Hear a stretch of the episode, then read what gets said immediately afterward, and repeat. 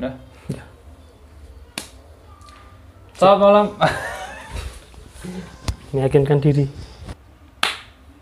Selamat malam para sahabat tidak terlihat kembali lagi dengan gua Gilang Agung Nugroho dan teman gua Dan gua Hadid Abdurrahman. dalam podcast Sudah Pocong Cuk.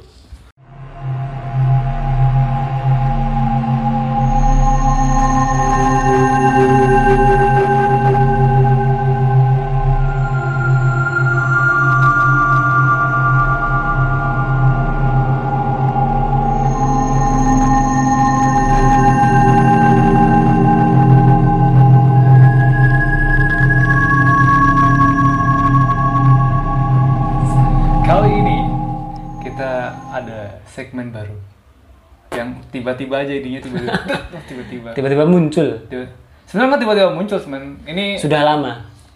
bukan sudah lama juga, Cok.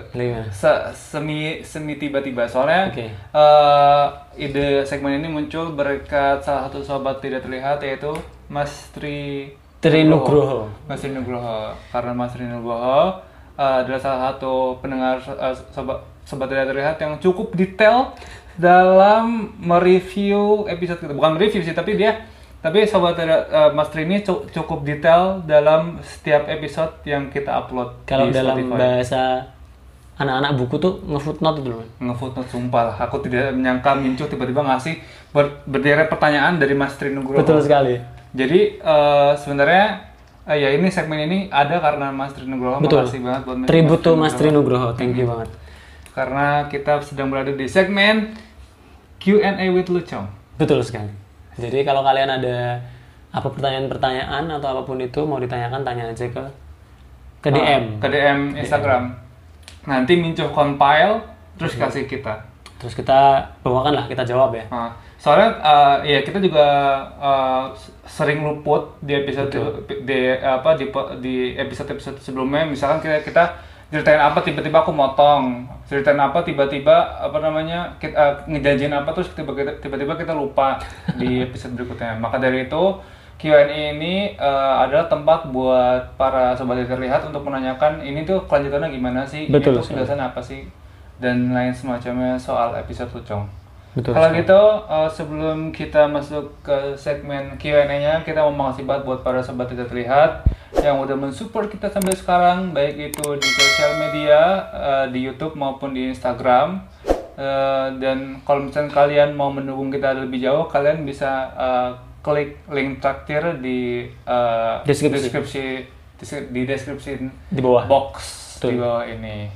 Kalian mau membuat kita jauh lebih kaya? Traktir jawabannya. Betul sekali. Silakan traktir kita dengan sajian-sajian sebanyak-banyaknya. Dengan sajian terbaik kalian. Betul sekali. Oke. Terus sebelumnya bisa dibilang kan ini episode tribute tribute to Mas Tri ya. Hmm. Jadi buat sobat-sobat tidak terlihat yang pengen tahu IG-nya Mas Tri bisa di follow di apa men?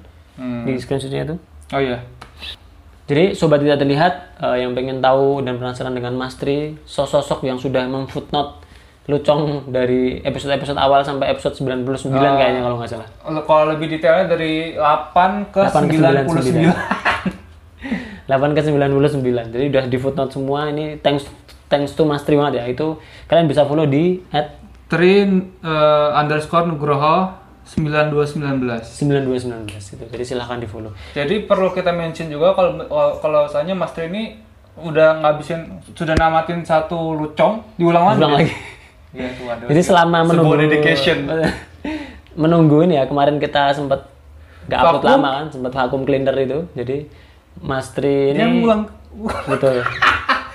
ngulang dari banget. episode 1 sampai yang waktu itu mentoknya tuh berapa anjir Mas Tri. Thanks banget. Sebuah Terus dedication. terus begini, Mas Tri ini kan juga ini kan kita memulai lagi budaya lama kita, Hmm. yaitu siapa yang pengen ada usaha Ah. bisa kita bantu promosikan. Dulu Iya. kan sempat titis tuh. Ah. Usaha apa pun langsung pokoknya kan sukses laris manis masuk bioskop gitu kan.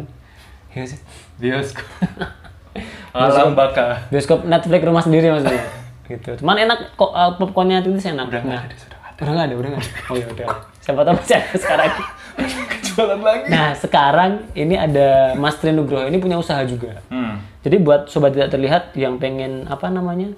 Bikin video animasi. Video animasi. Ah. Bisa order ke Mas Tri. Iya, jadi Mas Tri ini membuka jasa untuk eh, bikin video animasi dan klien-klien Mas Tri ini kebanyakan dari eh, badan pemerintahan. Betul, Kayak ada di sini yang dari di, eh, DIY gitu-gitu. betul. Nah, bagi yang pengen eh, kepoin kerjanya Mas Tri ada di uh, sini kuanimasikan Oke. di Ditampilkan sini ya. Instagram. Di tengahnya di tengah nih. Hmm. At sini ku amin ku an, amina An- animasikan. Animasikan. Sini ku animasikan itu namanya creepy tapi Cek. Kenapa? Jadi dia ini punya kemampuan untuk membuat orang tuh jadi animasi. Enggak. Animasi animasi nomi. Gue bingung mau dibawa ke mana. Oh ya udah. oke. Ah, Animasi itu apa? Animasi itu apa? Lo kan kayak kalau apa One Piece tuh loh cuy, dirimu gak nyambung. Nggak nyambung, Cok. Buah-buah setan itu loh cuy. Ah, iya. Kan OP-OP nomi. Ah. Oh, lu mau nyambunginnya ke bawa setan. Ya. Nah, terus dia bisa menganimasikan gitu. Betul. Bagus, Bisa menganimasikan orang-orang. Jadi misal buat kalian yang punya ini ya, gebetan gitu, nggak dapat dianimasikan aja. Jadi waifu. Jadi waifu yang merindukan waifu. Oke. Ya Allah, kenapa ujung-ujungnya seperti itu? Ya Allah. Nah itu dia uh, IG-nya, uh, IG usahanya Mas Tri, yaitu si at sini kuanimasikan. Betul. Jadi kalau kalian uh, ada nih proyekan apa namanya, suruh bikin video panjang, terus kalian bingung mau ke mana, mau dibikin animasi tapi bingung mau ke mana, bisa ke uh, sini uh, at sini kuanimasikan. Animasikan.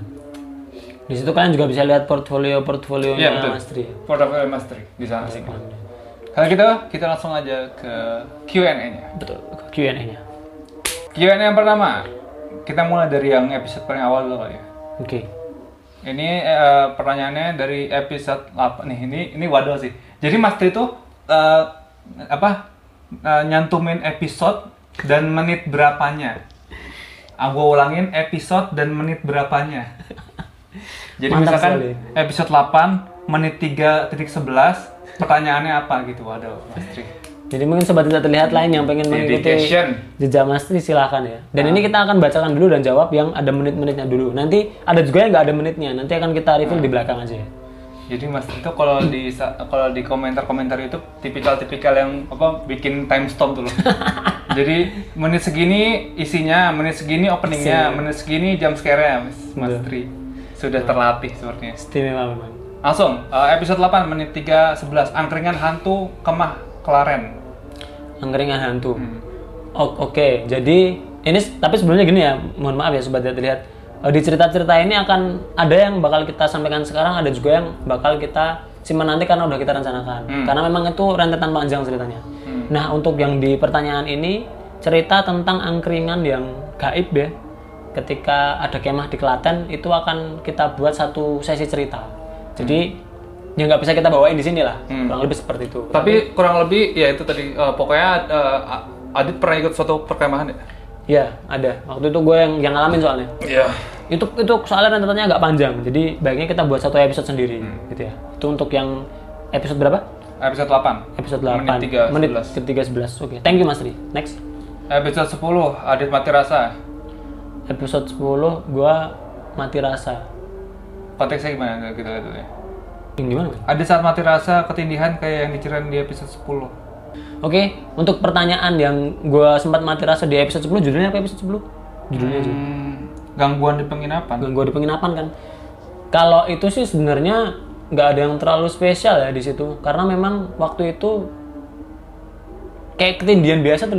Hmm. kayak ketindihan kayak reperpan gitu lah bahasanya kayak reperpan cuman memang ya memang mungkin kan gue kan dulu sempat cerita ya di pesantren itu kan gue paling langganan tindian Hmm. sempat ingat kan dulu jadi dulu tuh gue sering banget tindian ada interval waktu 2 tahun itu mungkin hampir tiap malam gue tindian nah, itu kan karena ternyata ada ada kakek kan kakek Nah. pengen minta diziarahi waktu itu. Oh itu. jadi setelah gua MTS kayaknya, MTS kelas 3 MTS itu mau naik ke 1 MA atau kelas 1 SMA, gue mulai sering ziarah Ke rumah kakaknya. ke kakek. makam, ke makam, Ke makam, ke makam. Yang di Bonoloyo itu yang ada sate gagak itu.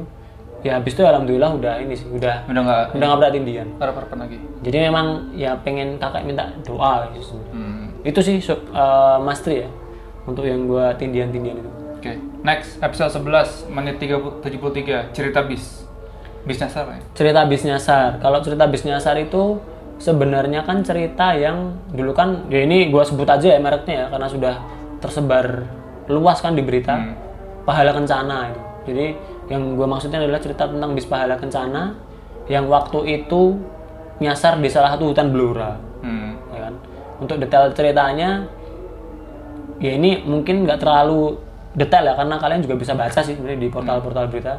Habis itu nggak sengaja masuk portal gaib itulah dan waktu jadi dia tuh dari Pantura mau ke arah barat lah itu ketika jalan karena macet dia mau cari jalur alternatif. Biasanya kayak gitu sih.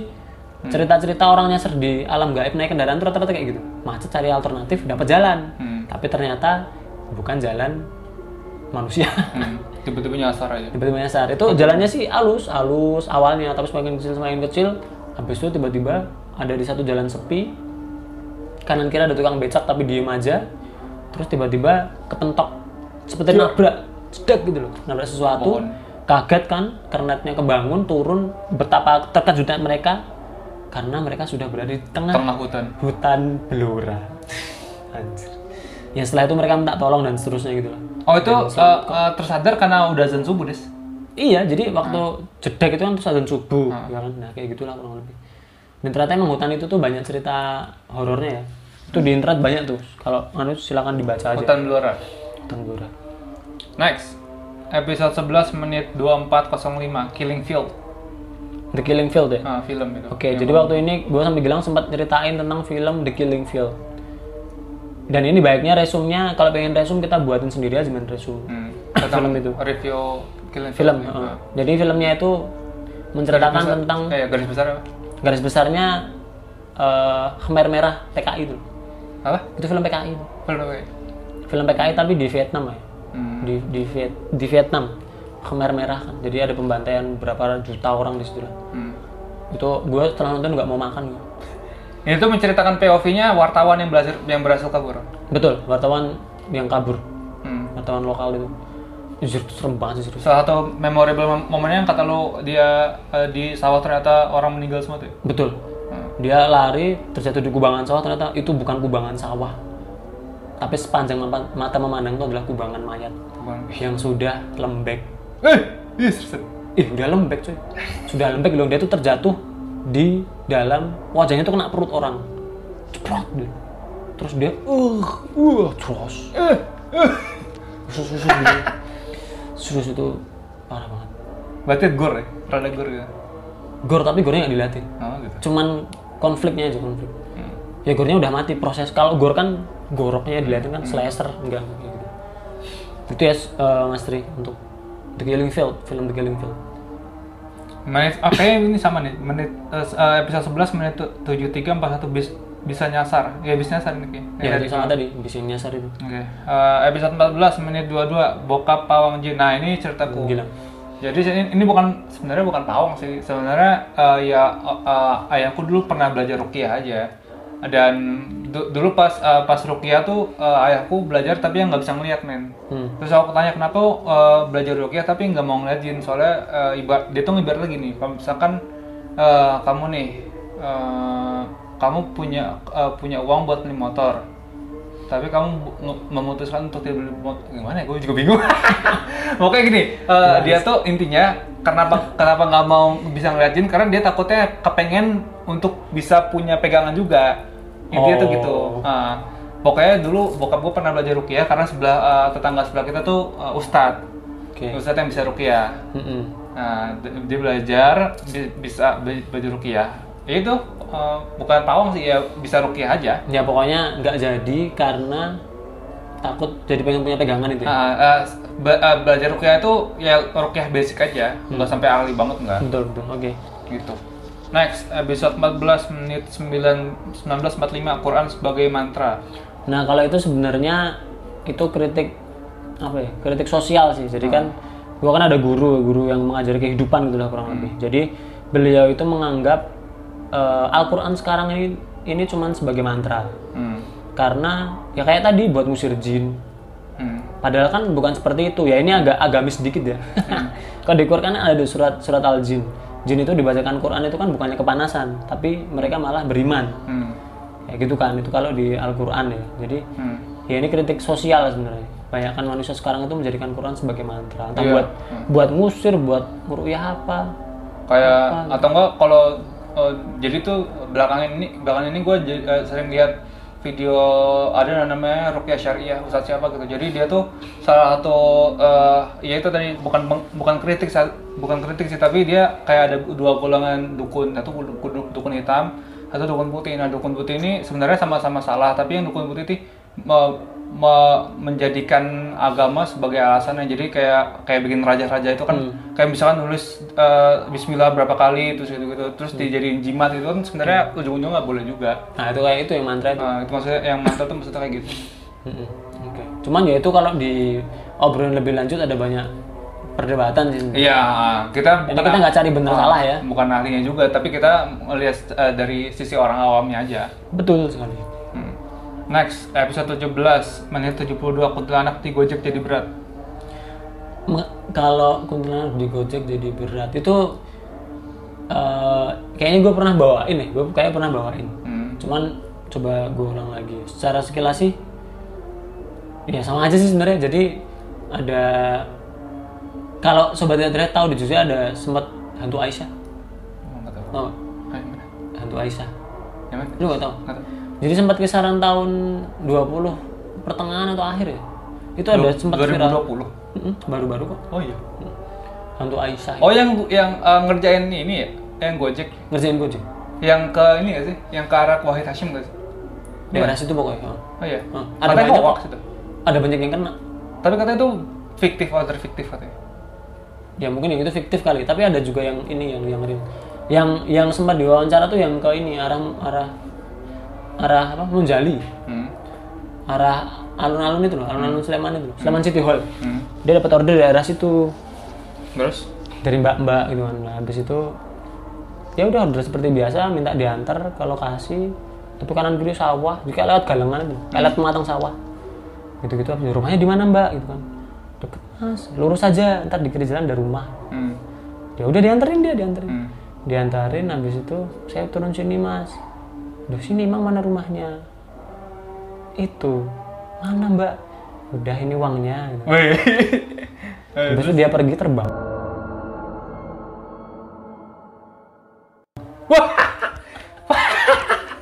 Gila. Anjir. Kasih uang terbang anjir waduh. Waduh juga Bang Sul. Tapi Ya. uangnya bentar uang enggak jadi daun. enggak uangnya enggak enggak uang Hah? Oh jadi daun. jadi daun lah, gitu. cuman habis itu dia banjir order Oh iya bisa gitu ya. order Nah. terus beratnya itu ya karena waktu bawa itu kan dia ngerasa berat kan Hmm. ini kan ini orang kayaknya mbak-mbak biasa kok Bisa berat berat banget banget, gitu tapi yang paling creepy ya itu sih ya ini uangnya Ngasih uang terbang. Terbang. Next, eh, episode 19 hantu cari potongan tubuh. nah kalau ini oke gue ceritain dikit ya ini sebenarnya rentetan di pesaran sih Hmm. Oh gitu. Eh, rentetan di pesantren tapi ini gue ceritain dikit jadi gini pesantren gue dulu itu kan mantan bekas ya bekas markas Belanda. Hizbullah enggak Hah? Dan bukan. bukan bukan Hizbullah Hezbollah. Oh. jadi kalau di Solo Solo itu kan dalam notabene kan kental dengan istilah ya kayak PKI PKI gitu kan sono banyak Hmm. Boyola- Boyolali Hmm. kan banyak daerah situ dulu dulu ya itu dan itu kan dulu itu banyak terjadi peperangan antara ulama-ulama dan PKI. PKI dan komunis gitu lah itu nah di situ kan pesantrenku di area Laweyan Laweyan itu kental banget agamanya Hmm. bahkan masjid pertama di Solo itu namanya Masjid Tegalasari Hmm. itu lebih tua daripada Masjid Keraton lah Masjid Tegalasari Oh, iya. Pon- pondokku masih ada di area Masjid Tegalasari itu nah di situ dulu tuh ada banyak jadi bayangannya cuman gini sih benteng Hmm. ada satu gerbang Hmm. gerbang masuk nanti halaman luas ada pendopo Hmm. Nah pendopo tuh kan kayak pendopo biasa tuh, kanan ada bangunan, kiri bangunan, Hmm. belakang pendopo ada bangunan, terus melebar ke belakang. Enggak. Tuh. Jadi dulu itu rumah punya saudagar kaya, juragan batik paling kaya se Solo waktu itu, Hmm. dan dijadikan markas Hizbullah itu. Hmm. Nah waktu markas Hizbullah kan dulu kan banyak tuh pembantaian-pembantaian, jadi gorok-gorokan di jalan. Terima kasih buat seluruh sobat tidak terlihat yang udah ngedengerin, ngesupport dan ngelihat kita, menonton kita sampai sekarang. Nah, untuk kalian, para sobat tidak terlihat yang pengen support kita di Traktor ID, linknya ada di description box.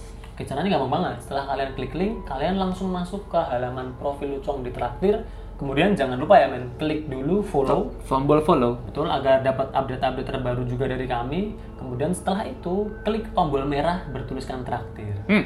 nah dengan klik tombol itu sama aja kalian sudah mengirimkan sajian-sajian terbaik kalian buat lucu kita dan Mincuh Hmm. dan tim ya tentunya. Biar kita bisa makan. Betul dan biar kita bisa bertobat dari pesugihan. Betul sekali. Kalau gitu terima kasih yang udah support. Kita balik ke ceritanya. Eh, ke cerita ini ya pertanyaan yang hantu mencari potongan tubuh. Hmm. jadi dulu tuh gini sobat tidak terlihat ini kan sebenarnya rentetan cerita di pesaren. Cuman ya ini gue ceritain di sini aja nggak apa-apa sih. Ini kan peridelan soalnya peridelan jadi zaman dulu itu di Solo itu kan konfliknya kenceng banget. Hmm. waktu masih zaman zaman PKI itu loh. Hmm. kenceng banget tahun itu loh, 80-an lah 80-an banyak konflik di situ. Nah eh, pesantren gue ini kebetulan adalah salah satu markas organisasi Hizbullah namanya. Jadi Hizbullah ini kayak dari segi agamanya gitu loh. Hmm. kan lawannya kan PKI. Tentaranya. apa? Tentara dari segi agamanya. Betul betul. Jadi kayak pembela agamanya bukan FPI ya kayak kayak pembela pembela berjuang agama tapi versi yang Betul, versi Islam kan dulu kan kental banget tuh kayak komunis sama agamis itu kan Ah. hitam putih gitu maksudnya. Hmm. Kayak gitu. Jadi dan kebetulan pesantren gue ini berada di kampungnya kan Lawean. Hmm. Dan di situ ada masjid tertua di Solo, bahkan lebih tua dari Keraton Solo, yaitu Masjid Tegalsari. Di situ emang ya kayak kampungnya para kiai gitu. Hmm. Dari situ. Jadi pesantren gua ini dulunya itu milik saudagar batik paling kaya se Solo. satu kampungnya dipegang sama dia Iya, kampung Lawean itu. Iya. Kan Lawean kan terkenal dengan batik kan. Hmm. Nah, itu adalah salah satu saudagar batik terkaya. Bahkan dulu sampai sekarang sekarang udah enggak, udah enggak. Dulu itu dulu. Ah. Pabrik batiknya masih ada, cuman udah ganti generasi gitu lah. oh gitu Kayak gitu. Bahkan dulu Putri Solo itu anaknya dari yang punya baju saudagar itu. Heeh. Saudagar itu. Kayak gitu. Dan gambarannya kayak gini sobat. Jadi misalnya ada benteng kotak. Benteng kotak itu berapa hektar gitu. Ada temboknya beneran, tembok. Di situ ada satu pintu. Nah, satu pintu ini ya kayak kalau kalian tahu Pelengkong Gading di Jogja mau ke keraton eh mau ke alun-alun kidul, alun-alun selatan kayak gitu. Pintu gede kayak gitu. Kayak gitu masuk. Nah, ketika masuk udah halaman luas, ada pendopo utama. Kanannya ini pabrik batik, kiri ada banyak ruangan, belakang pendopo ruangan utama, terus sana banyak bangunan. Banyak banget bangunan sampai belakang mentok itu. Dan itu bangun-bangunan tua semua. Hmm. Nah di situ dulu itu kan memang waktu sering-seringnya konflik, ya namanya perang ya. Jadi kayak penggorokan itu terjadi di jalan, Hmm. bunuh-bunuhan di jalan tuh hal biasa Hmm. karena kerusuhan kan. Dan dulu tuh ada zamannya ninja, Hmm. ninja. Jadi ninja yang kayak malam-malam tuh sembunyi-sembunyi ke mana-kemana tuh bunuhi para kiai. oh gitu suruhannya dari PKI itu Mm-mm. Ya entah dari banyak oknum ya, Oh iya, cuma dari PKI sih ada banyak, ada banyak. soalnya eh, pasti dari konflik yang gede gitu pasti ada orang-orang yang mem- memanfaatkan Betul, yang yang jelas kan chaos banget. dukun-dukun gitu-gitu pasti Betul yang jelas chaos banget. Dan di pesantrenku itu dijadikan markas atau base camp utama untuk koordinasi dan untuk menyusun strategi. Dan posisinya seperti ini. Jadi ger- gerbang, gerbang besar masuk halaman pendopo. Pendopo ini jadi kayak ruang eh, meeting atau untuk strategi dan seterusnya. Di belakang pendopo ada bangunan utama, di sisi kanan ini itu dipakai kiai, yang kiri, nah yang kiri ini dibuat kayak ruang perawatan. hmm. Tapi ya namanya bangsal bangsal gitu Heeh, heeh. Jadi- jadi itu ada kisaran berapa meter ya? Lima seratusan meter persegi kali gede loh atau 200 meter besar pak itu. Soalnya sekarang jadi perpustakaan. oh gitu Dulu itu jadi di situ ada banyak kaki, potongan tangan. hmm. Karena konfliknya kan emang dari pasukan Hizbullah ya betul betul betul. Jadi Hizbullah yang terluka, tangannya putus, taruh situ semua. Dan banyak juga yang meninggal di situ. hmm. banyak meninggal di situ. Itu kan cerita zaman dulunya ya. Terus beriring sejalan sejalan waktu, konflik itu kan mulai mereda. Terus tahun berapa aku lupa pesantrenku berdiri dan beralih fungsilah markas Hizbullah itu jadi pesantren. Pesantren, ya. Jadi pesantren, habis itu pendopo itu jadi masjid. Ruang apa? Yo bilang aja ruang operasi ya atau ruang perawatan itu jadi, Jadi perpustakaan. Di sinilah hal yang paling nggak gue suka. Jadi waktu itu kan kelas 3 MA atau kelas kelas 3 SMA lah. Hmm. Kelas akhir. Itu kan kita di karantina. Iya. Kalau di pesantren kelas 6 lah. di karantina di situ jadi kan kita kan suruh buat kayak skripsi gitu kan skripsi namanya tahrijul hadis. Jadi kita tuh suruh nyari satu hadis itu diteliti. Diteliti nih hadisnya bener enggak dari ujungnya ke mana mana mana mana. Nah jadi kita tuh sering banget itu eh, Nginep di perpus. nginep di perpus Ah. waktu angkatanku rame-rame banget rame-rame. Rame-rame. Nah terus ketika ngeliat Itu kayak ujian, ujian akhirnya kelas 6 gitu. selain ujian lisan ujian terus ada ujian kayak gitu. Hmm. kayak skripsi gitu. Lah Iya. kayak gitu nah ketika di situ kan dari kelas 1 tuh aku udah sering banyak dengar cerita di situ nah salah satu yang mau tak ceritain ini dulu aja yang yang ngalami itu waktu itu kejadian aku masih kelas 1 SMP Hmm. yang ngalami adalah kakak kelasku waktu kelas 6 Hmm. jadi aku kelas 1 orang yang ngalami ini di kelas 3 SMA. kelas 3 SMA Hmm. namanya namanya nggak usah lah pokoknya ada Mas Mas Y gitu aja Mas Y dia waktu itu ngerjain hadis itu dan waktu itu kan santrinya belum terlalu banyak Hmm. jadi pondok sekian hektar itu isinya juga ya ratusan orang lah belum sampai ribuan Berarti angkatanmu tuh termasuk yang cukup awal gitu bagaimana? Angkatanku udah nggak angkatan awal Iya lah. angkatanku udah udah lumayan banyak Ah. di waktu itu tuh cuma 16 kayaknya di angkatan kelas 6 yang waktu aku kelas 1 itu Oh. Tuh, nah itu satu saat kan dia itu ngerjain hadis kan. Hadis, dia itu ngantuk. Karena kan ditungguin Ustad. Hmm. Oh dia tungguin Ditungguin, guys, di perpus ya? di perpusnya. Jadi misal rahasian kan banyak nih. Ustadz Oh mesti kursi. malam itu juga bagaimana? Enggak, tapi ada jamnya. Jadi misal tiga jam nih. Hmm. Di rumah harus ngerjain, harus di situ nggak boleh keluar. Udah. Nggak boleh main bola, nggak boleh ke mana kah. Harus di situ ngerjain. Sampai jamnya kelar baru bisa keluar. Heeh. Nah ini ada satu ini Mas J ini kecap- capek atau ngantuk. Ah malas aku. Tak tidur aja lah. Tapi kan mungkin terang-terangan. Jadi bayangannya gini misal. Misal ini pintu masuk. Aku ustadznya. Aku duduk di depan pintu nih. Jadi nggak bisa keluar mereka. Kalau keluar harus lewati aku. Di sini ada ruangan. Ruangan los.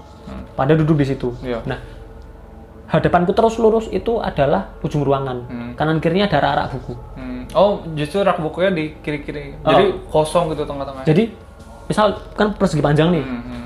persegi panjang ada ruangan los tengah Hmm, hmm. setengahnya itu diisi rak tapi natanya itu jalan dari tengah tok Hmm. nangkap ya jadi rak buku gede-gede banget ya Hmm. 2 meter 3 meter kali Ya sampai hampir mentok tuh. betul dan kalian kan tahu buku-bukunya itu buku-buku Lama. Arab yang tebel-tebel itu loh kan jadi kayak lorong gitu Hmm. kanan rak kiri rak gede terus jadi masuk kanan ada ruang lagi ada apa ada lorong lagi lorong lagi kayak gitu nah dia itu capek kan udahlah aku tak tidur di belakang dia masuk Pojok ruangan. pojok belok kanan Hmm. tidur dan niatnya cuma tidur bentar Hmm. Kenapa? Ah kok inget itu dia? Gila. Aku. dia oke ya jadi kan dia di pojok ruangan misal misal kayak gini aja lah. Ini kan pojok ruangan ya? Iya. aku tidur di sini. Ini rak buku. Tidur ambil duduk lah. tidurnya duduk. Duduk sambil baca buku. Jadi biar kalau ustadznya lihat dia dikira dia belajar. Iya. Belajar Khusyuk ngantuk gitu. lah. eh, udah ngantuk. Sambil selonjor gini kan bayangannya mungkin. Iya. sambil gini baca buku gini. Jadi ini ini tembok ini rak buku. Lurus ke sana itu juga apa namanya Lorong. iya lorong yang sana juga tembok Hmm. nanti ada pertigaan belok kiri tuh yang depan sana tuh ke keluar Baru keluar. ah. baru duduk ketiduran nah itu kan posisi itu mau sore sore sore sore Hmm. harusnya itu itu selesai di maghrib Hmm. hmm. jadi adzan maghrib keluar mandi nah itu sekitar jam setengah lima atau jam empat dia di situ ketiduran ketiduran ketiduran. Ketiduran. ketiduran. Sampai suatu ketika udah maghrib eh eh, sus, selesai selesai mandi mandi mandi. Keluarlah semua. Oh. Dan dia masih tidur. ke 15 orang temennya keluar semua. Dia dia kan nggak di absen itu kalau keluar keluar aja. Keluar dia masih tidur. Semua keluar. Udah ya udahlah ustadznya kan udah kan udah nanti besok balik lagi ya. Iya. udah habis itu ustadznya juga keluar ceklek klek ceklek klek klek Waduh, waduh, waduh, waduh. Dikunci des. Dan dimatiin nggak lampunya? Lampunya dimatiin. ya ceklek Wah. Mantap sekali. udah udah keluar kan semua ceklek ceklek klek klek dia masih tidur plus. Anjir lo gak bayangin kok jadi dia gimana cuy tidur kan nah ya udah itu singkat aja malam kan udah bodo amat kan karena pengurusan gak ada yang Sampai ngabsen. Isya. Ya? Sampai Isya tidur. Sampai dia terbangun dan mengalami hal itu. Oh iya, oke terus lanjut. Ya. Dia nggak tahu tuh sampai sampai saat atau gimana Insa sudah lewat, teman-teman udah pada mandi masuk masjid dan seterusnya. Nah, ada satu temennya ini Nyari. yang waktu kan belajar malam sampai jam 10 habis iya, itu sampai iya. jam 10 kan Iya, ha. habis itu kan biasanya ada yang makan-makan di kantin beli jajan apalah makan di kantin tidur jam setengah 11, setengah 12 tidur nah jam setengah satu tuh ada temennya yang sadar. Eh ini mana? si Ye ke mana? Hah. setengah satu gitu. Setengah satu pada belum tidur kan masih pada ngobrol-ngobrol. Eh si Ye ke mana? Si Ye ke mana? Nggak tahu. Lah, tadi kan terakhir di perpus. Eh apa dia masih di perpus? Habis itu kan, nah itu cut ya selesai di situ. Pada bingung, mereka masih masih ngobrol-ngobrol biasa. Ah. Jadi jaraknya misal di sini itu perpusnya jarak 300 meter. Itu ada gedung kamar yang buat tidur mereka. Ah. Iya, iya, Jadi mereka asrama tidur di lantai dua. Kan kalau pengurus biasanya tidur di teras depan tuh. Ah. Teras sambil ngobrol-ngobrol gitu. gitu. Nah, ya udah itu cut. Nah, terus berlanjutlah ke cerita Mas Si Ye. Ya, mantap. gitu kan. Nah, dia ini kebangun. Hah. Ketika dia melek tapi kayak nggak melek. Hah. Gelap soalnya gelap banget. Gelap banget, Des. gelap banget serius ini nggak ada cahaya plus Iyalah. Nggak ada cahaya plus Dan baru bangun lagi biasanya. Dan baru bangun. Mata lo mesti penyesalannya masih lama tuh dia kan gini eh, sampai mendeli-mendeli gitu Hah? Hah? Wah, dia di mana? Dia panik kan? Hah. Panik, panik. Nah, habis itu ketika dia panik kan masih penyesuaian dia mata kan masih penyesuaian. Masih penyesuaian kan. Masih penyesuaian. Tiba-tiba itu kan dia dari sini sana kan jarak ada kisaran 20 30 meter ya. Hah.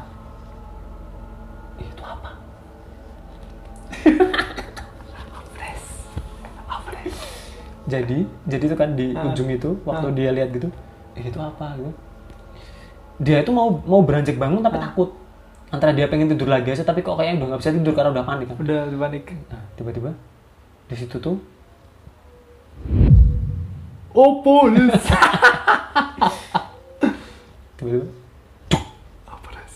ada orang Di depannya. di ujung. Aduh, ya.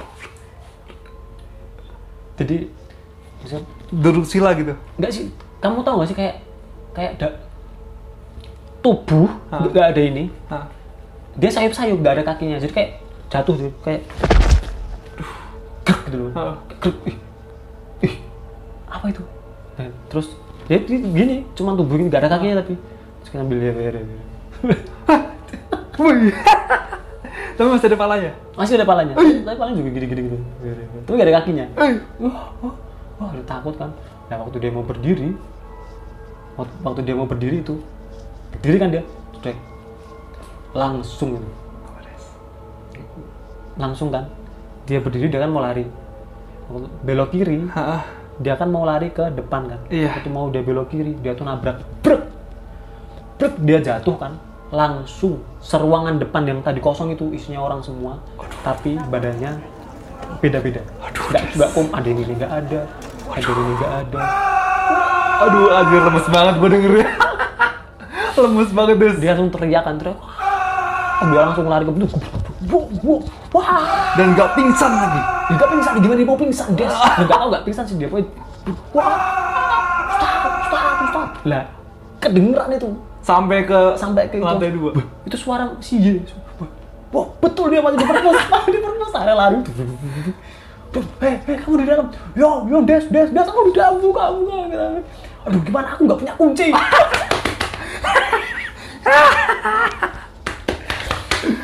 Aduh. Nggak punya kunci, nggak punya kunci. Terserah, ya, buka, buka, terserah gimana caranya buka. Langsung, blok, blok, blok, blok. Dobrak.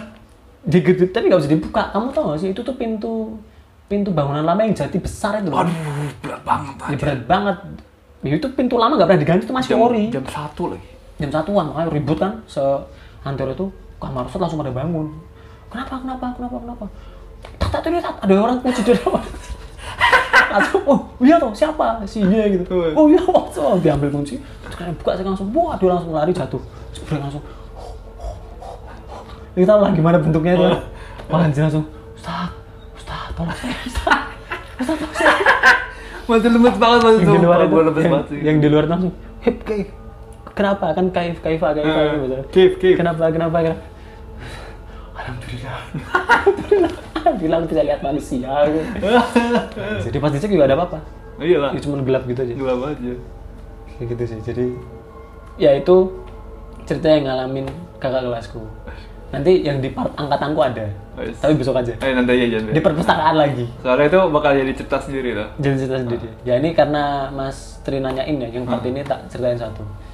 Itu habis itu aku mantap sekali. kampret itu next. Eh, episode 21 Lawang Sewu. Ya udah lawang sewu tuh sebenarnya gimana ya? Gini aja. Dulu waktu 2011 oh oke. Ntar ini aku boleh share fotonya. Hmm. eh dulu pernah share belum sih? Aku pernah lihat. Pernah lihat ya? Tapi kita pernah share dulu sih. Belum. belum ya? Hmm. oke nanti aku share Masih fotonya. ke- Tuh, jadi waktu 2011 aku kan piknik sekeluarga ke Lawang Sewu waktu itu masih ada wisata malam di Lawang Sewu hmm. emang sama udah nggak ada? Sekarang udah nggak ada. Dari tahun berapa tuh udah nggak ada. Jadi wisata malam itu adalah kayak uji nyali gitu. Hmm. dulu sempat ekstrim bisa masuk ke bawah ruang bawah tanah. Waduh, tapi malam-malam. abis itu kayaknya ada kejadian apa ditutup. Wisata malamnya cuma lewat lorong. Hmm. Jadi lu tahu lorong lawang sewu panjang itu cuma lewat gitu aja. Hmm. dulu. Abis itu kayaknya ada apa itu nggak ada lagi. Oh begitu? Oh sekarang udah nggak ada wisata malam tuh. Nggak tahu kenapa. Nah yang mau tak ceritain ini ini siang-siang. Sekolah aku bertamasya keliling dari lawang sewu kan. Waktu itu gedung A belum jadi. Gedung depan tuh belum jadi masih direnov jadi ke gedung B. Nah gedung B ini yang di belakang itu kan dibuka tuh. Ke ruang bawah tanahnya Hmm. Nah, kita keliling ke atas selesai, tibalah ke ruang bawah tanah. Mau masuk gak? Gitu. Lah waktu mau masuk tuh di screening gitu kan. Hmm. Oh ini boleh masuk, ini boleh masuk, ini boleh masuk. Ketika buleku, nggak usah mbak. Mbaknya kalau pengen aman nggak usah masuk. kenapa Buleku kan, ah nggak aku pengen masuk penasaran. Hah. tetap ngeyel Udahlah mbak, ngikut aja. weh Aku coba dulu masuk. Coba kan. Ah. Bapak, bapakku masuk, aku belum masuk gitu. Adikku masuk, ponakan masuk, buleku masuk. Baru turun satu langkah kan pakai sepatu Ah. Karena di situ kan lembab segini coy, Ah. banjir segini. eh. Anjir kaget. Pakai sepatu boot baru turun ceplak. apa Udah langsung naik lagi. langsung, iya mas, saya nggak jadi masuk. langsung gitu bule langsung udah aku nunggu depan aja gitu. Nunggu depan, ya aku masuk. Masuk ke dalam. Habis itu kan, ya aku sebenarnya penasaran mau nanya kenapa bule. Aku juga pengen nggak masuk sebenarnya. aja Bule nggak jawab, waktu langsung pergi aja dia. Langsung pergi. Aku turun, ya lah penasaran aku masuk tuh. Dan buat kalian yang belum pernah masuk, itu bayangannya gimana ya? Kan dulu itu kan Lawang Sewu itu kan di bawahnya itu kan waktu zaman Belanda dibangun buat ruang air, Hmm. ya kan?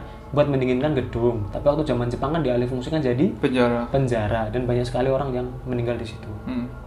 Nah itu masuk ke situ memang kayak labirin coy, masuk, masuk, masuk, masuk, masuk. Nah di situ kan ada banyak jenis penjara kan. Hmm. Udah pernah masuk belum bawah? belum Belum ya? Hah. Jadi ada penjara penjara, pen- penjara berdiri. Hmm. Itu paling lebarnya sekitar kotak itu. Malah 50 cm. satu kotak ubin lah Hmm, satu kotak ubin, satu kotak ubin, ada 10 orang disumpelin di situ. oh itu orang anjir Di tralis. Di tralis. Jadi orang tuh matinya tuh dempet-dempet gitu. Itu itu penjara berdiri. Maju lagi ada penjara jongkok. Penjara jongkok ini paling tingginya cuma setengah meter. Jadi misal satu kotak itu paling dua kali 2 meter. Hmm. Diisi orang 10 masuk situ jongkok. Dikasih air sampai segini. Terus ditutup tali. Jadi orang tuh di sini gini nafasnya. Jepang Udah pasti mati tuh, mati. Habis itu ada lagi apa ya? Ada banyak jenis penjara lah kayak gitu. hmm. Ya udah habis itu masuk masuk masuk. Yang jelas ngeri lah. Ngeri kita keluar, ya wis. Kengeriannya di situ. Habis itu aku tanya ke Bule. Kenapa Bule kok nggak jadi masuk? Nggak apa-apa. Dia cuma bilang gitu. Nggak di sini terlalu ini. Nggak nggak nggak bisa aku nggak kuat. Terlalu banyak. Kayak orang mau titip pesan. Hmm, gitu.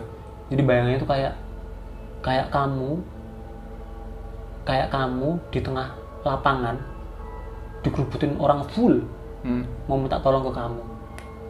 Bayangin kayak gitu. Jadi itu nggak mampunya di situ. Jadi kayak tolong tolong tolong kayak di, kayak pesan gitu loh kan. Hmm. Saya nggak mampunya tuh yaudah gitu. Ya wes, setelah itu pulang. Nah, ketika pulang itu dulu waktu masih zaman HP Nokia C2. Nokia C2. Ada ponakanku punya HP Nokia C2. Dia tuh di gedung B lantai 2 ada market. Lu tau market kan? Miniatur berdiri. miniatur gedungnya Nah, eh, ponakanku itu foto adikku. Jadi misal ini kotak kan, misal aku ponakanku ya, ini kotak. Di situ ada adikku sini market. Aku foto market. Cekrek, aku tuh niat foto market, cekrek. Tapi angle-nya tuh agak agak atas, ke atas, cekrek jadi ada tanganku tangan adikku ini ke potret, terus yang tidak disangka itu ada foto ini. Nah foto ini silahkan sobat tidak terlihat lihat ini apa? Ada sosok ini ini ada banyak asumsi. Tapi anehnya foto ini tuh kayak gini. Awal pertama aku lihat foto itu nggak jelas. Hmm. semakin lama semakin lama semakin lama semakin jelas. Oh jadi awal-awal makanya awalnya tuh blur bro. Awalnya tuh cuma kayak kayak kamera kotor gitu men Hmm. serius awalnya cuma kayak gitu. Di HP C2 tuh cuma kayak gitu. Habis itu kan ponakan gue itu apa sih ini? Ya coba disebar ke HP lain. Disebar tuh kepake bluetooth. Ke HP ku HP ku HP nya dia rusak terusan. HP dia rusak C2 itu kesebar ke yang lain dilihat tuh makin jelas. Dan jadilah foto ini. Dan kalian bisa berasumsi lah ini apa ada yang nganggap ini tuh kayak noni apa? Belanda. kayak noni Belanda ada yang bilang kayak orang Jawa pakai belangkon. Hmm. ada yang bilang orang Jawa dulu bahkan ada yang bilang ah itu paling karyawan Lawang Sewu Hmm. tapi karyawan Lawang Sewu nggak ada yang pakai baju kayak gini dan nggak ada yang pakai belangkon Iya. dan kayak gitu ya hal horornya di foto ini sih sebenarnya jadi foto ini tuh memang ini foto real ngambil dari HP Nokia C2 tahun 2011 tuh dan kalau cerita Lawang Sewu lainnya paling ya kayak itu yang ada bapak-bapak jual video uji nyali yang meninggal semua tuh. Hmm. itu udah sempat gue ceritain sih kayaknya Udah.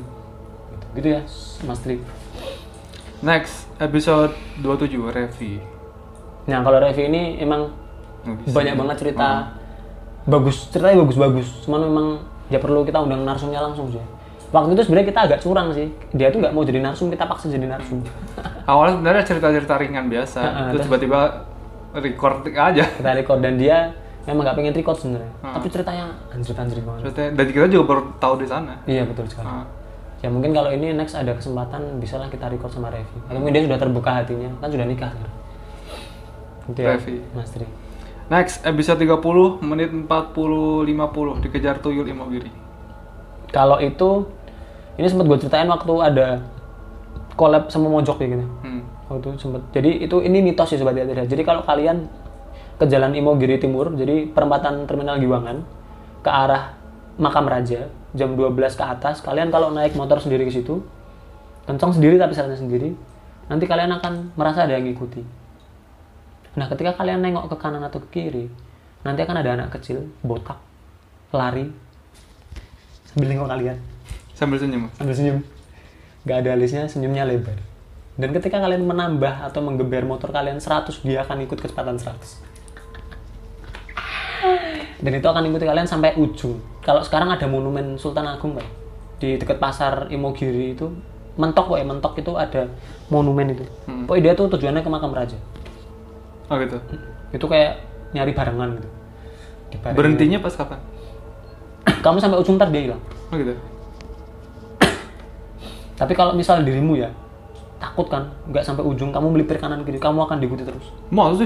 Oh. Jadi mesti mesti sampai Aku belum bilang yang itu ya berarti. belum belum. Oh iya itu. Belum baru itu. Jadi emang itu tuh kayak tugasnya misal kamu dapat itu kan, ya kamu lurus aja mentok sampai lurus dia hilang baru kamu balik. Jadi jangan sampai misal nih, kan ada banyak perempatan tuh. Hmm. Misal belok kanan ke arah stadion pacar, kamu udah akan diikuti terus dan kamu nggak bisa pulang. Masa nggak bisa pulang Diputer-puter sama dia? sama dia. Jadi lu lambat dia ikut lambat. Ah mata anda cowok. lu diem aja dia diem. Dan yang creep itu kan pandangan dia itu loh men. Tertuju ke kita terus dia tuh nggak nengok nggak gimana. Dia cuman ngeliat ke kita terus lu jalan gini ada ih. Aduh ya Allah, pusing banget. jadi kalau kalian menemukan hal itu mending antar aja sampai pojok baru kalian pulang. Itu tipsnya, tips. itu tips tips. Tips kalau lewat jalannya mau di timur. Next eh episode 41 rendang rasa sabun. ini lu kan ya Eh, aku enggak. gua agak lupa men rendang rendang rasa sabun Rendang rasa ini sabun. Kayaknya cerita di pondok deh. Tapi mohon maaf banget nih sobat tidak terlihat atau Mas Tri. Gue agak lupa serius. Gue udah coba refill-refill episodenya inget-inget tapi nggak nggak nemu rendang rasa sabun. Lupa gue. Gue lupa lupa inget sih. Hmm. Apa aku ya? Kayaknya aku deh. Kayaknya aku dan kayaknya cerita di pondok. Kayaknya. Tapi aku lupa lupa inget. Iya. Skip ya, Mas Ri. Hmm. Rendang rasa sabun terus episode masih 41 menit 30 40 eh, MLM Gilang. Ah, ini sebenarnya cerita MLM-nya temen sekelasku sih. Jadi ini cukup rada konyol. Jadi jadi temenku eh, ketua kelasku Sebut saja Rido. iya Rido jadi Rido Drosel dulu pernah datang di waktu apa Sukoharjo sarang elit global. Iya. Jadi si Rido ini eh, dulu eh, eh, kan dulu waktu waktu kuliah eh, dia sempat bukan sempat sih dia eh, status dia eh, itu jomblo gitu. Walaupun pernah pacaran tapi jomblo. Nah, waktu itu waktu semester berapa gitu aku lupa kayaknya udah semester akhir gitu semester 5 atau berapa. Nah, dia tuh sem- makan di eh, kalau nggak angkringan kayak sih angkringan, kayak angkringan. Makan di angkringan atau enggak di warung-warung makan gitu yang dekat kosannya. Nah, di angkringan itu atau ataupun di warung makan itulah, dia tuh eh, ketemu sama mbak-mbak yang katanya cantik, cakep gitu loh. Cakep. Eh, terus eh, dan mbak eh, dan mbaknya tuh juga friendly gitu, masih mau membuka percakapan dan dan lain semacamnya. Tapi si kayak kayaknya sih si eh, si ibu-ibu yang punya warung makan ini udah ka- udah kasih warning kayak Rido tapi Rido nggak terlalu nangkep kayak eh, eh, hati-hati lo mas kayak gitu gitu bilang kayak gitu sing- ya seingetku ya seingetku kayak gitu nah soalnya habis dari obrol-obrol kayak gitu eh, si Mbak ini mau tukeran nomor sama Rido Hmm. mau tukeran nomor ya udah tukeran nomor dadadadad. nah, terus sampai eh, suatu saat si, si eh, Rido ini eh eh, ikut eh, temenin aku yuk gitu ke acara ini wes Acara film. Enggak, pokoknya ke acara, Acara. pokoknya ke acara. Yuk, eh, temenin aku yuk ke ini ada acara di tem- tempatnya di sini. Nah, tempatnya tuh di sebelah UPN kalau nggak salah. Jadi kayak ada ruko gitu kan di sebelah UPN. Nah, tempatnya kalau nggak salah di sebelah sana. Awalnya Rido eh, nggak merasa nggak merasa ada yang aneh kan, ya udah dia eh, jemput si ceweknya terus nganterin sampai ke ruko itu. Hmm. Pas sampai sana juga eh, pas sampai sana baru dia merasa hal, hal aneh nih. Ini kayaknya nggak bener deh. Kenapa? Soalnya pas masuk eh, di eh, pas masuk Eh, yang ngajak ke acara itu ceweknya atau? ceweknya Oke, ceweknya ngajak ke acara. ceweknya tertentu. di acara terus sampai sana uh, jadi ruko dua lantai nih di, di lantai duanya tuh kayak ada kayak ada seminar gitu. Kayak ada seminar nah, terus si Rido tuh lihat uh, ada beberapa orang yang didampingi. Yang jadi nggak semua orang didampingi jadi ada beberapa jadi uh, ada beberapa orang yang didampingi. Jadi kayak uh, pokoknya ada beberapa orang yang yang didampingi terus acara dimulai siapa kita wah kayak gitu ternyata MLM cowok dan ternyata orang-orang yang didampingi itu yaitu korban-korbannya itu Oh, gitu. Uh, jadi uh, ada beberapa tiga ya. uh, tiga tiga sampai lima orang yang didampingi yang didampingi gitu sama- kayak kan Rido kan didampingi sama si mbak-mbaknya itu Hmm. jadi Itu kor calon korban. uh, uh, dikasih tahu mas Ura, ura, ura, ura. Rawir, ara, ara, ara, ara. Rawir, ara, mas. Malang, malang gitu. dibalik-balik Ara, ara, ara.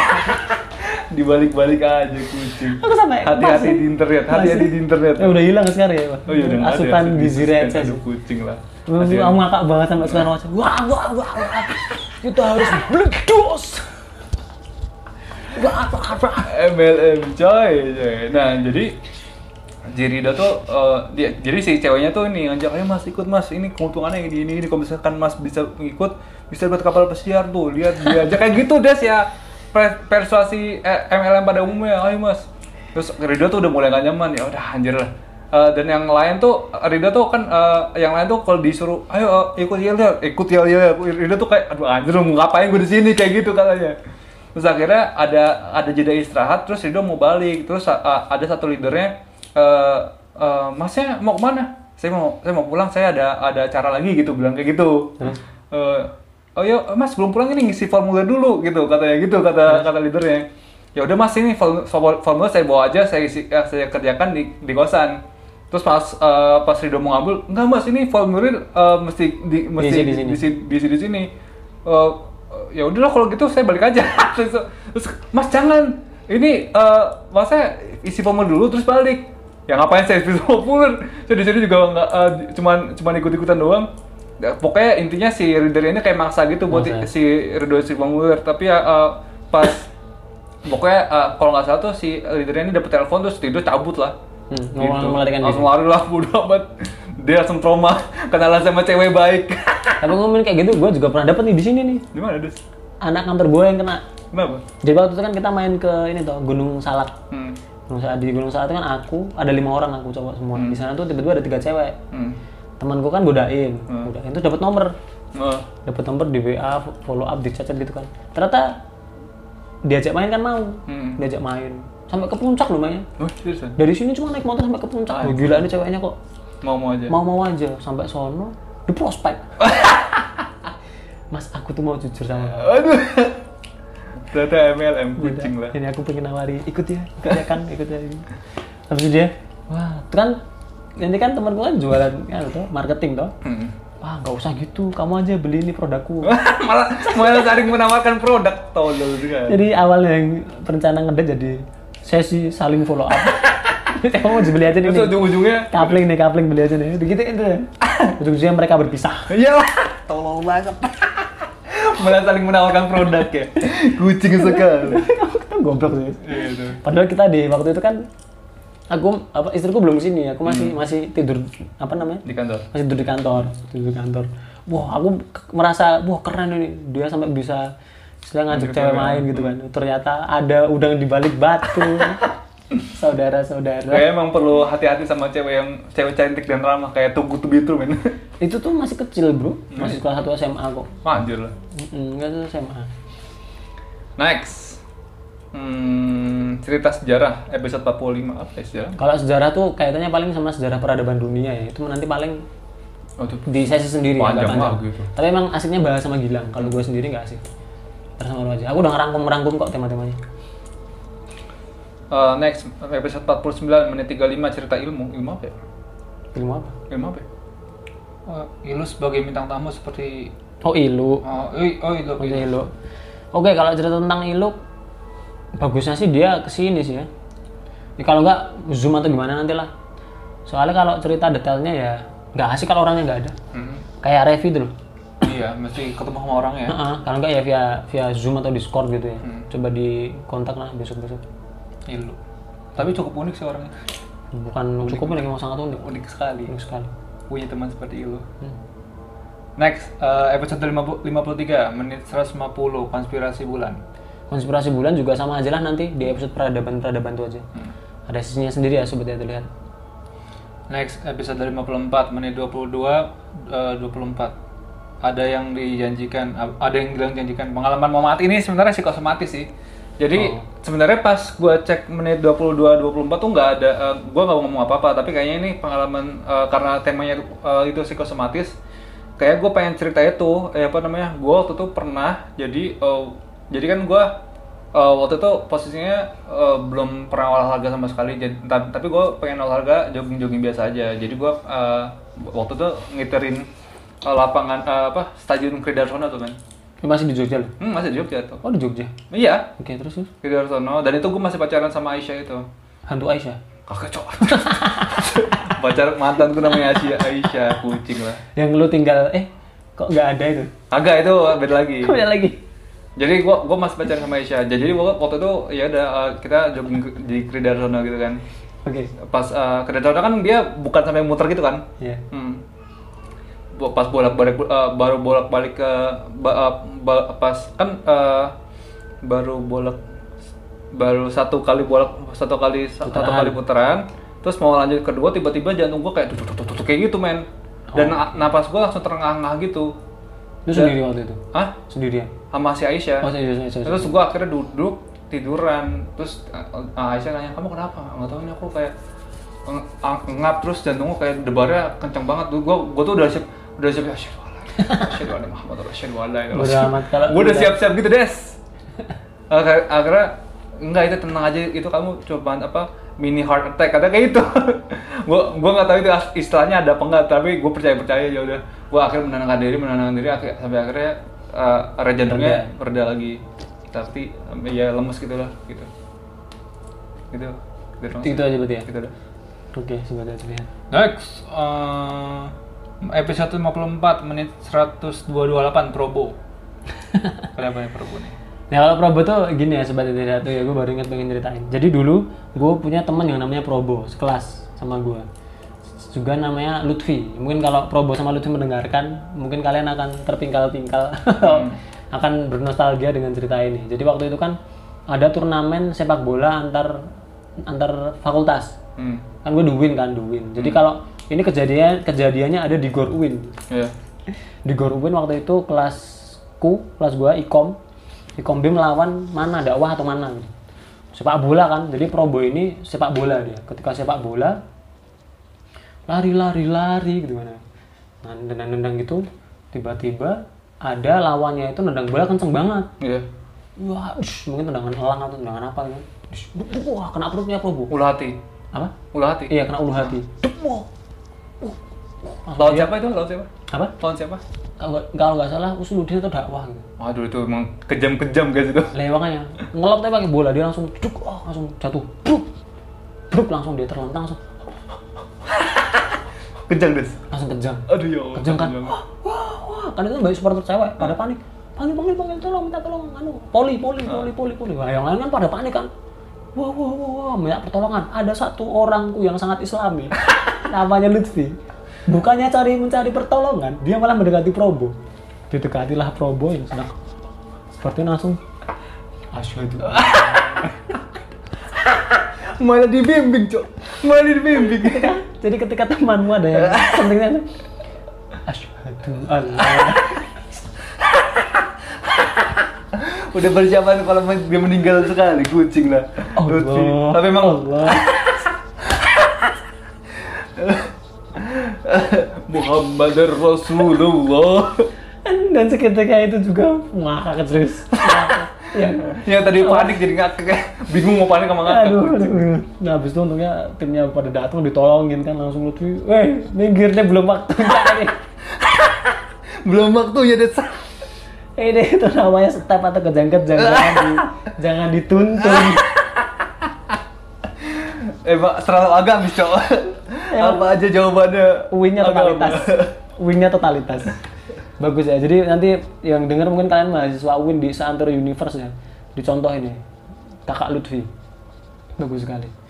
Terima kasih serius. So, perut usaha kita sampai sekarang. Next. next next. Eh, episode 60 guru fisika resign. guru fisika resign. Apa? eh, itu ceritaku di pondok tapi aku gak lupa ya gak lupa lupa inget ya. Tak ceritain nanti aja ya, pas part-part pondok. Nanti ya mas Tri ya. Itu ceritaku itu. Tapi aku agak lupa lupa inget. Aku coba reveal dulu ya. Episode 93 hantu kali mambu. hantu kali mambu sebenarnya kurang lebih ya udah sempat kita ceritain sih. Ada yang ngocok berenang itu. Terus kan kali kali mambu kali mambu itu bukan kali mambu soalnya itu kali gajah wong. Hmm. jadi yang gue maksud itu bukan kali mambu kali gajah wong. Nah kalau kali gajah wong ini gue pengen gue cerita sejarah dikit ya. Kenapa kok kali itu dinamai kali gajah wong? Jadi dulu sultan itu kan nggak tahu ya ini sultan kerajaan Mataram atau udah kerajaan Jogja? Gue agak lupa. Yang jelas dia tuh punya gajah kesayangan. Hmm. gajah disuruh memandikan prajuritnya di sungai itu. Nah, terus prajuritnya itu ada yang dibilangin sama rajanya, kamu jangan mandiin gajah di hari-hari apa gitu, ada waktu pantangan. Tapi waktu itu seperangkat prajurit itu ngeyel. Hmm. Akhirnya dia tetap memandikan gajah di kali sungai itu. Nah, ketika itu benar saja, waktu itu ada sejenis kayak banjir bandang. Iya. Banjir bandang. Banjir bandang, tapi ketika mau banjir bandang itu mereka nggak hanya tahu gimana, ketika mereka terkena air mereka jadi batu. Seprajurit ya? Seprajuritnya. Gajahnya juga? segajahnya juga Wah. jadi tiba-tiba kena banjir bandang gajah sama prajurit jadi batu dan itu katanya tulak tulak karena melawan titah raja. Hmm. jadi itu memang kualat karena melawan raja. Terus itu memang kenapa jadi batu? Karena untuk bukti. Untuk bukti bahwa ini loh orang-orang kalau melawan titah raja itu kayak gini. Hmm. gitu. Nah cuman aku dulu kan kecil sempat nyari-nyari tuh. Ini di mana sih titiknya? Batunya. dulu sempat ada katanya. Emang ada. Cuman katanya udah lama kan itu. Udah berapa ratus tahun gitu. Tergerus tergerus tergerus. Akhirnya harus hilang. Seprajurit prajuritnya itu kali jadi kali gajah wong itu kalau kalian penasaran alirannya kalau tahu gembira loka Hmm. ada jembatan itu masih aliran sungai gajah wong Hmm. nanti sampai yang itu dekat arah kota gede yang ada nang ngocop berenang itu sih kalau kali gajah wong selain itu ya paling kayak mbak kunti bambu bambu gitulah kayak serigala jadi-jadian itu sambungannya itu ya Next, eh, episode 99 menit 4411 cerita RWE. cerita RBE Nah, yang apa namanya? Tentang sebenarnya udah terlalu udah jelas Udah kayak diceritain tembok ya. terus hilang dicari alamatnya nggak ada gitu-gitu. itu dulu sempat kita ceritain kok kalau yang nendang itu kan Kan karena di kantor apa gitu. di kantor di kantor karena udah lembur sebel kan sama revisi nendang tembok tiba-tiba ada yang balas nendang Hmm. dari arah misal gue nendang tembok ini dari belakang ada yang nendang padahal belakang itu ruang PS Hmm. ya nggak ada orang di situ nggak ada pulang terus kalau yang gojek itu ya dia dipesenin GoFood muter-muter sampai empat kali lima kali di telepon kok nggak sampai sampai mas Loh, saya udah di alamat itu tapi nggak ada kantornya Ada kantornya. Lah, kok bisa? Iya, saya lihat kebun. Lihatnya kebun. Akhirnya baru yang pesen untuk keluar baru tahu ini kantornya. Loh, kok ada bangunan? Tiba-tiba ada rumah. Kok ada bangunan? Gitu sih sobat yang lihat untuk yang cerita itu. Next, cerita keranda terbang. Karena terbang aja gue sempat cerita di episode beberapa waktu lalu ya. Hmm. Yang apa? La ilaha illallah. Gue denger itu waktu masih kecil. Udah lama kan waktu itu. Heeh. La ilaha illallah, la ilaha illallah. Udah saya ceritain kayaknya.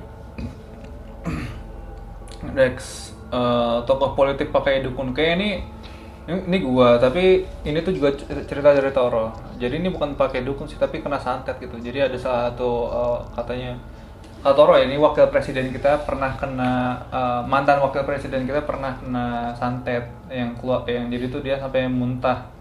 Muntah darah apa muntah kaku gitu. Tapi karena eh, mantan presiden kita juga apa namanya punya pegangan juga nggak santet santetnya tuh nggak parah-parah banget. Tapi kayaknya udah menjadi rahasia umum kalau misalkan ada beberapa tokoh politik yang klinik tuh yang pakai yang pakai dukun lah yang apa yang eh, biar jabatannya eh, na- naik lah itu udah, udah jadi rahasia umum sih menurutku Betul. Gitu, next Alif memikat seluruh wanita kelas Ya, kalau itu kita harus menghadirkan Alip sih sebenarnya. Alip ini memang manusia epic. Payoh gitu. Ya? Iya. Ah. Oh iya, iya ah. Iya. ah. itu Itu, itu dia bagusnya hadir nih, kayak Iluk sama Revi tadi. hmm. Ta- itu teman kelasnya eh, apa namanya Adit Teman sekelasku. Hmm. Terus nang jadi kucing nih apa ya? Hah? Nah ngocok jadi kucing tuh aku lupa-lupa inget juga ceritanya. Kayaknya aku yang cerita deh kayaknya. Tapi gue lupa juga sih. Ntar kalau ingat ya, sobat tidak dilihat. Hmm, nang jadi kucing. Atau Mas Tri eh, tahu konteksnya apa terus Oh boleh bisa- di share mungkin. Ah. Biar kita ingat lagi gitu ya mas. Yuk. Next eh, ilu ilu jarang minum. Ya, itu masjid, tadi. ah. Terakhir, Aib tenggelam. Nah, kalau Aib tenggelam nih, eh, Aib tuh temanku, teman sekelasku. Jadi kayaknya pernah aku ceritain ya konteksnya tuh. Jadi waktu itu kita lagi makrab HMI. Nah di makrab HMI ini aku, eh, ada temanku si Rido sama Aib tuh di ini diajak sama diajak buat ini buat ikut makrab. Ya udah, namanya juga eh eh, bukan makrab sih tapi kayak apa namanya kayak kemah di Gunung Purba gitu, kemah-kemah aja. Oh di Langgeran. Hmm, di Langgeran kayak kemah-kemah aja. Kan gunungnya juga uh, friendly gitu kan Hmm. buat pemula. Nah pulang-pulang kita tuh lewat jalur yang ada yang, yang ada air terjunnya gitu. Jadi ada air terjun terus kayak ada kubangan gitu kubangan air terjunnya. Nah kita berenang di sana dan aku di sana tuh konteksnya belum tahu kebiasaan Aib tuh ternyata emang nggak bisa berenang. Akhirnya Aib, Aib berenang uh, ke tengah ke tengah sampai sampai tiba-tiba Aib tuh kayak ngejeblos sendiri. Ngejeblos di dekat di dekat ini di dekat uh, air terjunnya itu Aku kira itu bercanda. Ternyata jadi kan di di untungnya tuh di uh, di air terjun itu ada rombongan lain. Jadi rombongan yang yang yang cowok-cowok ini udah udah selesai udah naik. Jadi kan ini air terjun nih. Nah, di sini ada tebing. Nah, mereka tuh udah mau siap-siap naik ke atas. Jadi, tapi masih nongkrong di tebing ini. Terus yang yang mas-mas yang di atas, "Mas, Mas itu betulan, itu betulan." Langsung saya nyebur. Oh jadi mau nyelamatin. Iya, aku yang. Anjir. Aku eh, aku berenang narik aib, aib udah gini gini pala aku tapi aku dorong dorong. Pokoknya yang penting dia dia dulu selamat. Aku soalnya udah- aku bisa berenang dorong dorong akhirnya dia trauma sekarang. trauma untuk berenang di alam bebas. Tapi ekstrim banget sih dia tahu kayak gitu ya masih nyemplung. Aku juga berani kalau kayak Karena nggak tahu deh soalnya gua gua juga gitu. gua Awalnya kayaknya dangkal. awalnya dangkal tuh tiba-tiba wup gitu. Jadi eh, emang emang dia tuh awalnya landai itu tiba-tiba vot gitu. Jadi kayak oh, gua gua nyoba kan set, oh ternyata sampai pas udah segini tiba-tiba eh pas udah dari segini tiba-tiba langsung segini. Oh ada lubang gitu. Heeh, bukan kayak lubang kayak kayak langsung zet gitu aja. Langsung dalam gitu ya? langsung dalam aja itu. Kalau yang nggak bisa panik sih. Iya. Oke. Itu sih. Itu sih udah semua Mas Tri, eh, Mas Tri Nugroho. Q&A-nya dari itu udah udah lusar terus semua. Udah, udah usah. Terima kasih banget buat Mas Tri Nugroho udah memberikan kita ide untuk bikin segmen Q&A with Lucong ini. Dan buat para kalian sobat yang terlihat pengen nanya sesuatu di, di uh, sesuatu baik itu di soal episode ataupun hal apa pun yang masih berkenaan dengan Lucong bisa DM di IG-nya Lucong at pocong ludah at gmail eh com. Kok Betul. Pocong Eh, Ludah? Pocong Ludah ya? At Pocong Ludah. Nanti Mincuh compile terus dijadikan satu segmen lagi Q&A with Pocong. Siap. Terima kasih untuk para sobat terlihat yang udah support kita dan mendengarkan kita, support kita di media sosial dan kalau kalian pengen em, support kita lebih, kalian bisa mampir ke traktir kita ada di link deskripsinya ada di eh, Bawah. Instagram dan juga ada di eh, YouTube, Betul. deskripsi di deskripsi YouTube. Kalau gitu, gua Gilang Agung Nugroho, Dan gua Hadid Abdurrahman. kita berdua pamit undur diri. dan Salam salam bucong cu.